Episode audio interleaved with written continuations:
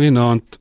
Advertensies gaan baie daaroor om ons te probeer oortuig dat daar nog een ding is wat ek en jy nodig het om gelukkig te wees. Al het ons al alles, dan wil dit ons laat droom dat ons tog net nog een ding kan hê. En dan gebeur dit dat ons op 'n dag meer goeder het en dan kom ons agter nou maak dit ons lewens meer ingewikkeld. Daai al die goed wat ons aangeskaf het om eintlik ons lewens makliker en beter te maak. Daai goed waaroor ons gedroom het en ons is nog steeds nie heeltemal gelukkig. En dan kan die advertensies ons weer vang en dan kom ons agter ons nou weer iets nodig. En dan is dit net so rukkie en dan is daai nuwe kar 'n ou kar en dan is daai nuwe selfoon nie meer goed genoeg nie en dan droom ons weer van die volgende ding. Asof ons nooit genoeg het nie. Paulus het eintlik baie selde vir Jesus aangehaal.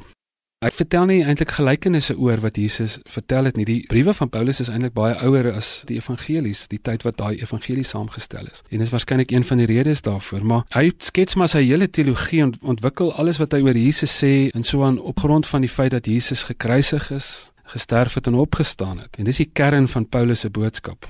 Maar daar is een plek waar Paulus vir Jesus letterlik aanhaal en dit wys vir ons dat dit 'n belangrike ding is dat Paulus dit kan onthou.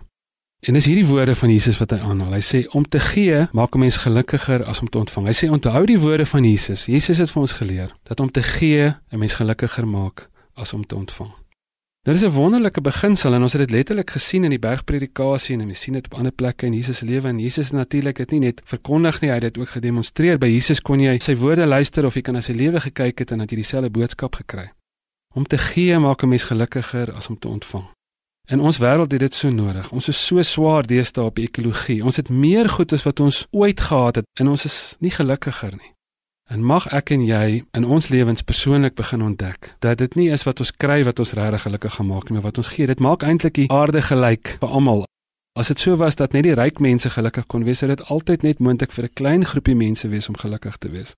Maar as dit moontlik is om gelukkig te wees wanneer jy gee, dan kan almal gelukkig wees. Wanneer Jesus verwys wat dit beteken om te gee, dan gebruik hy 'n weduwee wat haar laaste muntstuk ingooi. Mag ek en jy ook hierdie waarheid in ons lewens ontdek. Dan hoef ons nie te wag dat as dit gebeur of miskien eendag ons gelukkig sou wees nie. Dan kan ek en jy sommer vandag al gelukkig wees. Kom ons bid saam.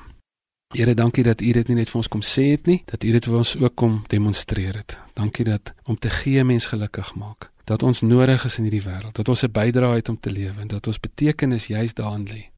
Ons wil bid vir hierdie aarde, Here, wat al so besoedel is. Ons wil bid vir ons mensdom wat so honger is om net nog en nog te vat en so min terug te gee. Ons wil bid dat ons as u kinders die alternatief sal stel, dat ons sal gee en dat ons ons geluk daarin sal vind in Jesus Christus se naam. Amen.